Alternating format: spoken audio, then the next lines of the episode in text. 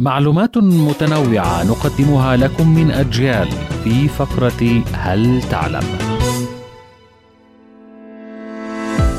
أهلا بكم مستمعي ومستمعات أجيال في فقرة هل تعلم؟ من عادات العرب في الجاهلية أنهم إذا تكاثرت خيولهم واختلط عليهم أمرها وأصبحوا لا يفرقون بين أصيلها وهجينها فكانوا يجمعونها كلها في مكان واحد ويمنعون عنها الأكل والشرب ويوسعونها ضربا. وبعد ذلك يأتون لها بالأكل والشرب فتنقسم تلك الخيول إلى مجموعتين. مجموعة تهرول نحو الأكل والشرب لأنها جائعة غير آبها لما فعلوا بها بينما المجموعة الثانية تأبى الأكل من اليد التي ضربتها واهانتها وبهذه الطريقة كان العرب في الجاهلية يفرقون الخيل الاصيله عن الهجينة منها.